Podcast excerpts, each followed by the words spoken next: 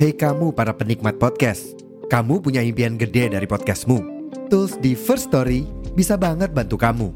Mulai dari F-Link, Dynamic Audio Insertion, sampai statistik yang komprehensif, semua ada di First Story. Gak ketinggalan, kamu bisa monetisasi podcastmu lewat iklan dari First Story Ads yang bisa kasih kamu penghasilan dari setiap place podcastmu. Yuk gabung sekarang dengan klik di firststory.me. Sekali lagi, di firststory.me. Mari kita bawa mimpi podcastingmu menjadi kenyataan.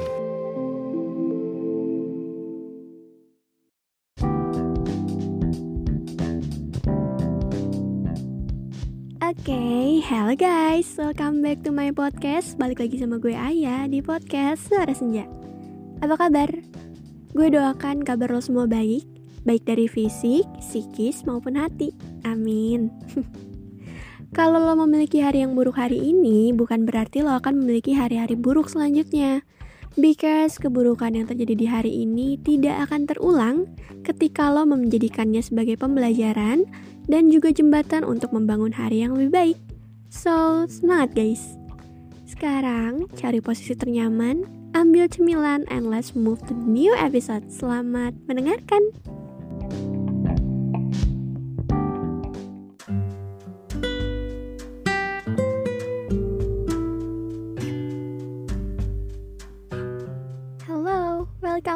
Everyone. Oke, okay, first of all, sebelum mulai ke podcast, gue mau disclaimer dulu bahwa podcast ini tidak pernah bermaksud menyudutkan siapa pun, merendahkan siapa pun, atau bahkan meninggikan siapa pun. Apa pun yang gue omongin di sini adalah hal-hal yang sering gue temui atau hal-hal random yang ada di pikiran gue. Dan gue sendiri tidak ada niat mendoktrin siapa pun untuk ikut menyetujui apa yang gue sampaikan di sini. Bijaklah dalam mendengarkan podcast ini, kalau ada yang negatif jangan disetujui, dan kalau ada yang positif boleh dijadikan referensi. Jika ada hal-hal negatif yang terjadi setelah mendengar podcast ini dan hal-hal barusan yang sudah gue sampaikan, sudah bisa ditetapkan bahwa itu di luar tanggung jawab gue guys. So, thank you so much. Selamat mendengarkan.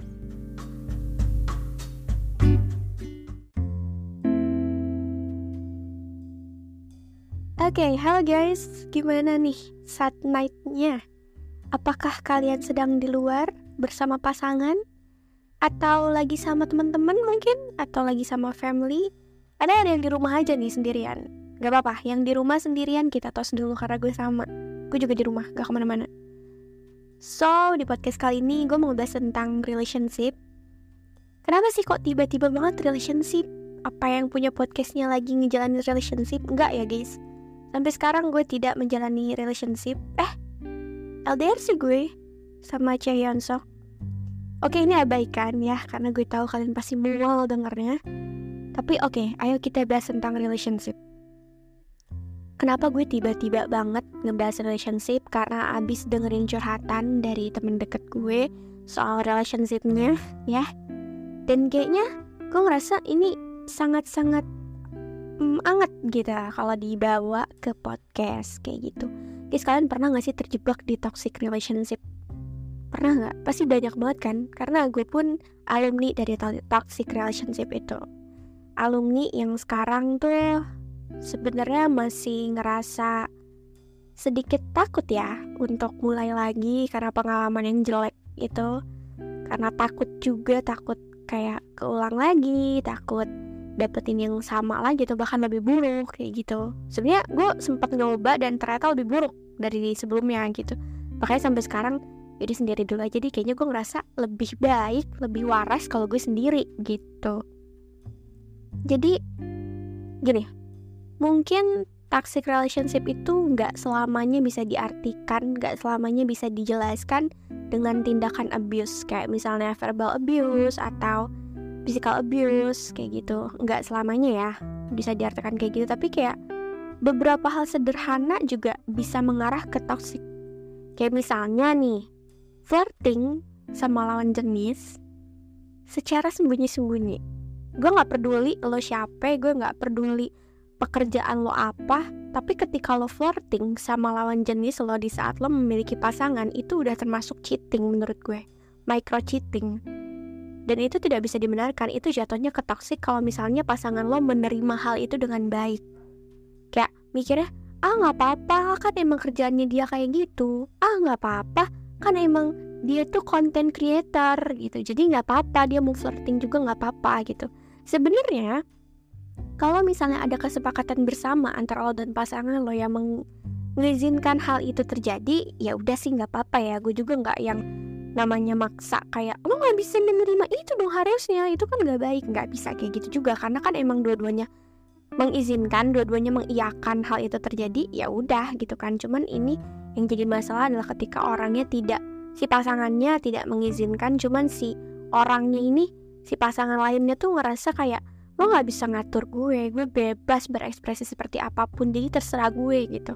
Gak gitu guys. Ketika lo memutuskan untuk menjalin hubungan dengan orang lo pasti bakalan terikat sama yang namanya peraturan baik lo uh, ngejalanin hubungan pacaran, uh, tunangan, atau udah nikah, yang namanya peraturan itu pasti ada.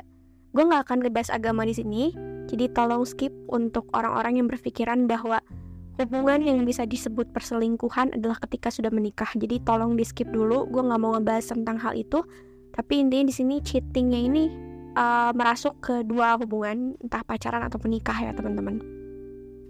Jadi kalau misalnya kita memutuskan untuk masuk ke dalam suatu hubungan, menjalin suatu hubungan, itu harusnya kita udah terbiasa sama yang namanya peraturan, membiasakan diri, menerima.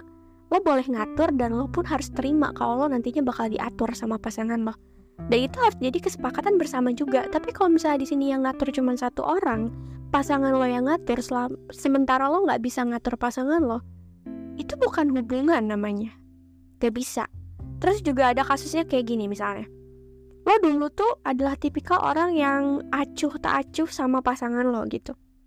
Kayak lo tuh sering nyakitin pasangan lo lo sering kayak ngecewain pasangan lo. Dan at the moment akhirnya lo sadar kayak gue nggak bisa terus-terusan kayak gini. Gue harus ngebahagiain pasangan gue.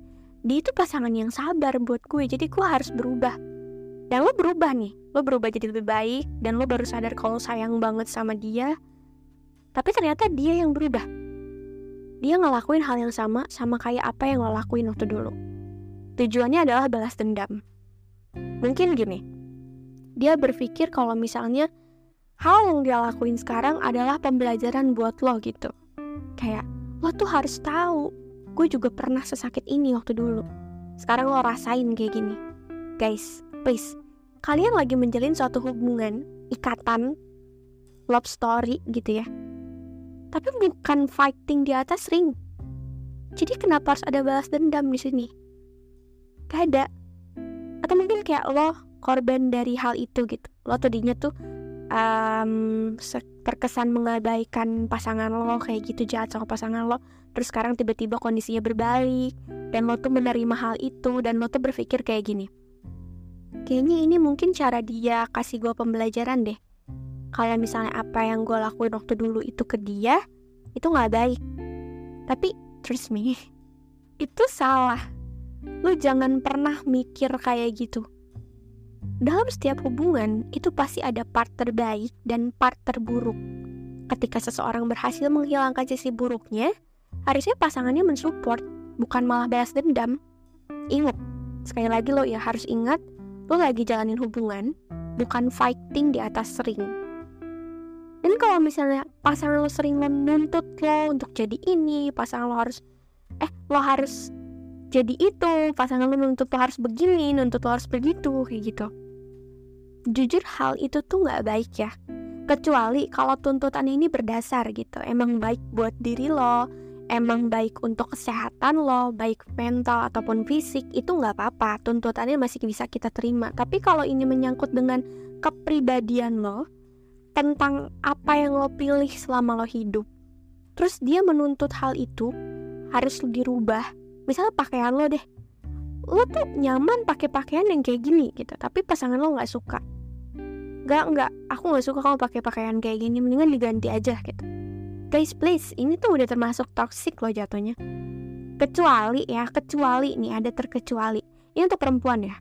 Ketika lo terbiasa pakai pakaian yang terbuka, dan pasangan lo menyarankan lo pakai pakaian yang ter tertutup, itu nggak apa-apa, masih bisa dinormalisasikan karena mungkin pasangan lo tuh ngerti pemikiran cowok-cowok tuh kayak gimana atau mungkin pasangan lo juga berpikir kayak gitu setiap kali ngeliat cewek pakai pakaian terbuka kan ini masih bisa kita toler toleransi dan masih bisa kita anggap benar.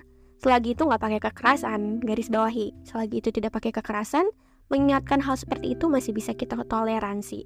Tapi lain halnya ketika lo sudah terbiasa pakai pakaian yang tertutup pakaian yang biasa aja gitu tapi dipaksa untuk terbuka seperti perempuan-perempuan yang bisa yang biasa dia lihat setiap kali dia keluar rumah, circle dia yang sering main ke klub gitu atau FY, di si cewek-cewek FYP TikTok yang ya lo tahu lah ya pakai bajunya kayak gimana lo dituntut untuk menjadi seperti itu. Itu termasuk hal yang toksik juga. Karena apa? Jatuhnya lo disuruh lagi disuruh menjual diri lo sendiri, disuruh menjual badan lo sendiri gitu. Jadi badan lo tuh harus diekspos dan dilihat sama semua orang. Bukannya cowok kayak gitu nggak bener ya? harusnya dia bangga dong punya cewek yang pakai bajunya ketutup pakai punya cewek yang pakai bajunya sopan gitu gue nggak tahu deh ya uh, pemikiran orang-orang yang kayak gitu tuh kayak apa tapi mungkin emang di mata dia cewek-cewek dengan pakaian baju ter pakaian terbuka adalah cewek-cewek yang keren cewek-cewek yang cakep. Tapi bagi gue pribadi ketika orang lebih nyaman pakai baju tertutup dan dipaksa pakai baju terbuka itu udah termasuk hal yang toksik. Itu udah gak baik banget. Tapi kalau misalnya orang yang pakai baju terbuka dipaksa untuk pakai baju tertutup dan si orang itu pun nyaman gitu ya, misalnya ngerasa kayak oh iya ternyata gue pakai baju ketutup nyaman juga ya gitu, nggak apa-apa.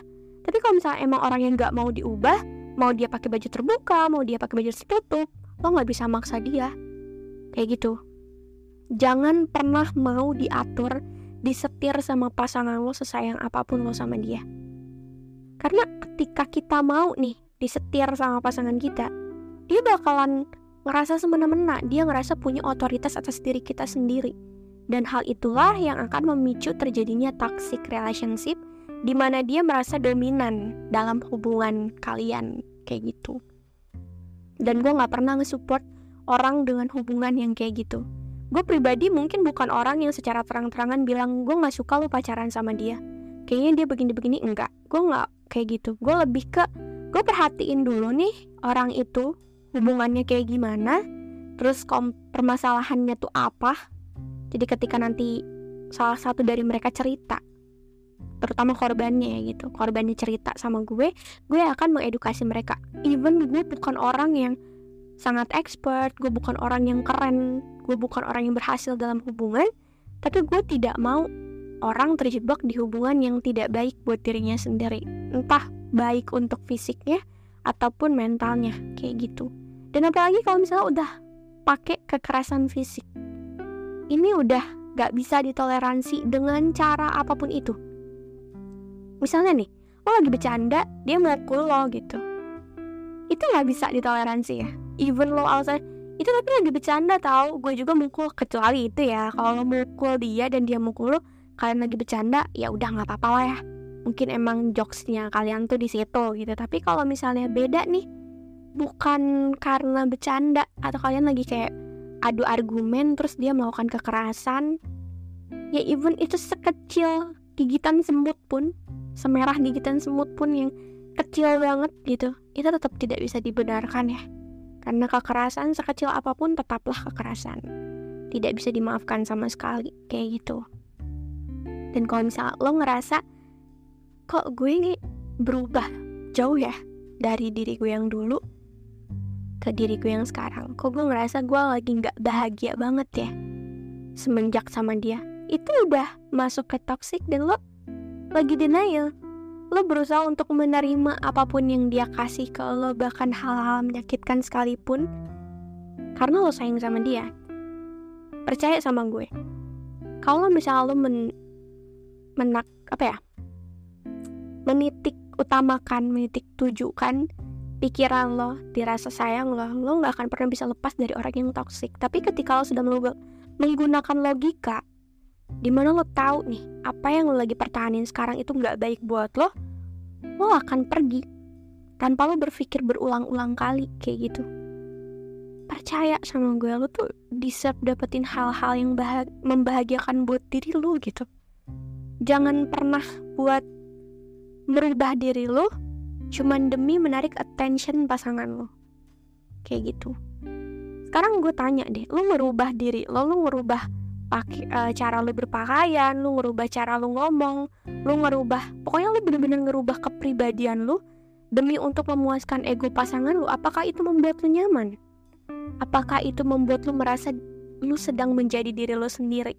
Lu sedang membangun kepribadian yang baru dan lu nyaman gak sih di situ di dunia yang sekarang lo lagi tinggalin lo nyaman gak lo ngerasa lo lagi jadi diri lo atau enggak gitu. Kalau emang lo ngerasa iya ya udah berarti memang cocok gitu lo dirubah kayak gitu udah cocok. Tapi kalau lo ngerasa enggak deh kayaknya gue masih nggak pede kayak gini gue masih nggak cocok kalau misalnya kayak gini jangan dipaksain. Kalau untuk perempuan ya girl he don't deserve you kalau lo berubah hanya demi memuaskan ego dia. Kalaupun sekarang dia tuh ngerasa kayak aku tuh ngerubah kamu karena supaya kamu tuh jadi lebih baik penampilan jadi lebih baik lebih enak dilihat. Enggak. Percaya sama gue sebelum lo kenal dia lo udah cantik dari sananya lo udah menarik dari sananya. Lo gak harus berubah lo gak harus berusaha keras untuk nunjukin ke dia kalau lo tuh bisa lo tuh juga bisa cantik lo juga bisa begini lo juga bisa begitu nggak harus karena orang yang beneran sayang sama lu akan melihat um, titik menariknya lu gitu. Dengan cara dia sendiri. Gak harus ngerubah gitu. Yaudah, gak apa-apa. Let ignore him and move on. Tinggalin orang yang toxic kayak gitu. Gue tahu banget deh, ngelepasin orang yang disayang itu susah banget. Me too. Gue juga ngerasain itu. Gue sayang banget sama mantan gue waktu itu. Karena kita pun ngejalin hubungan tuh bukan setahun dua tahun kan. Bukan sehari dua hari gitu. Emang yang udah lama banget. Tapi tiba-tiba ada sisi yang toxic gue juga coba denial. Kayak mungkin dia bisa berubah. Gue harus kasih kesempatan. Karena gue pun bisa berubah setelah dikasih kesempatan sama dia kan. Masa dia enggak gitu? Tapi ketika dia tidak berubah dan malah makin parah gue tahu yang berhak dikasih kesempatan adalah diri gue sendiri apa kesempatannya? Mendapatkan seseorang yang lebih baik dari dia. Kayak gitu. Jadi lo berhak untuk meninggalkan seseorang yang tidak pernah menghargai lo sama sekali. Mau selama apa pun lo pacaran sama dia ketika dia tidak menghargai lo, he or he, eh, he or her don't deserve you. Gitu. Gue tahu memori lo sama dia itu tuh pasti banyak banget dan bakalan susah buat lupain itu gue tahu banget tapi inget kayak gini, kalau berdua bikin tersiksa, kenapa nggak sendiri aja? Sakit sementara 1-3 bulan buat ngelepasin it's better than bertahan sama orang yang nggak kasih lo kebahagiaan sama sekali. Lo harus sayang sama diri lo sendiri.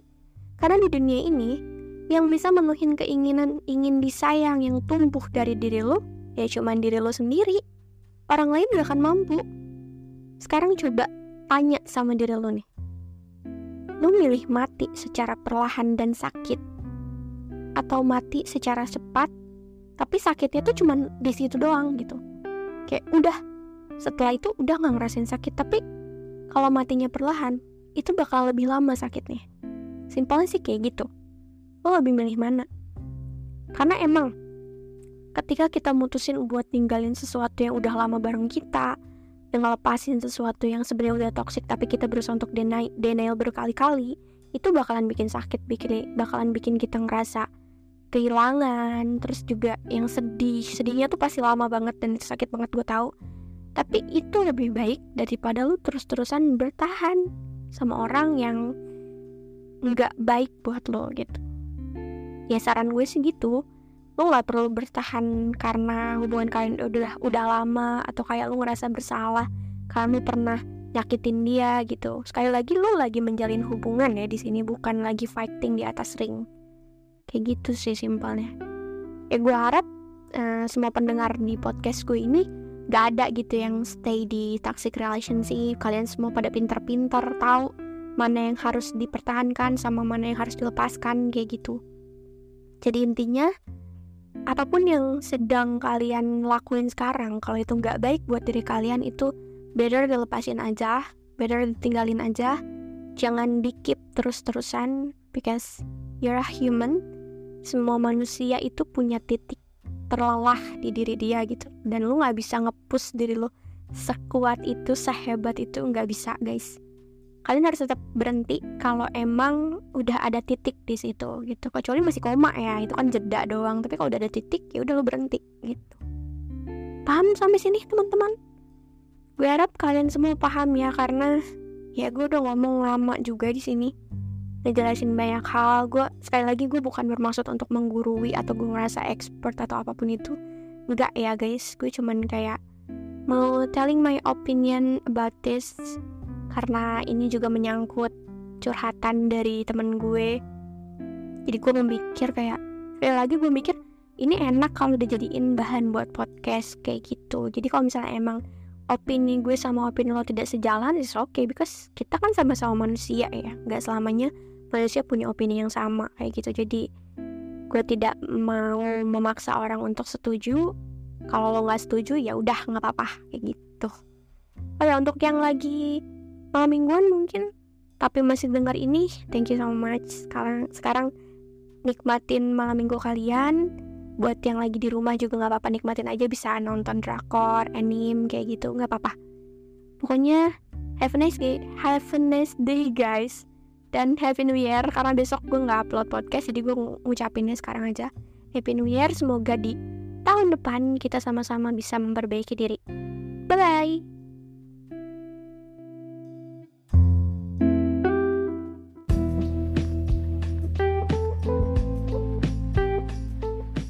That's all, thank you. Applause dulu untuk kita semua. Untuk lo yang berbaik hati mau mendengarkan podcast ini sampai habis, dan untuk gue yang berhasil menyelesaikan podcast ini. Thank you so much guys. Untuk pembahasan yang sudah gue sampaikan tadi, mohon diambil sisi positifnya dan dibuang sisi negatifnya. Gue juga memohon maaf kalau ada kalimat yang menyinggung satu pihak, karena gue sama sekali tidak ada niat untuk melakukannya. Thank you and sorry guys. Oh iya, podcast gue akan upload setiap hari Sabtu, menemani malam minggu kalian yang kelabu. Enggak dong, canda. Biar gak ketinggalan, lo bisa follow Suara Senja di Spotify dan aktifkan notifikasinya. Sekian dari gue, see you on the next podcast manusia-manusia keren. Bye-bye.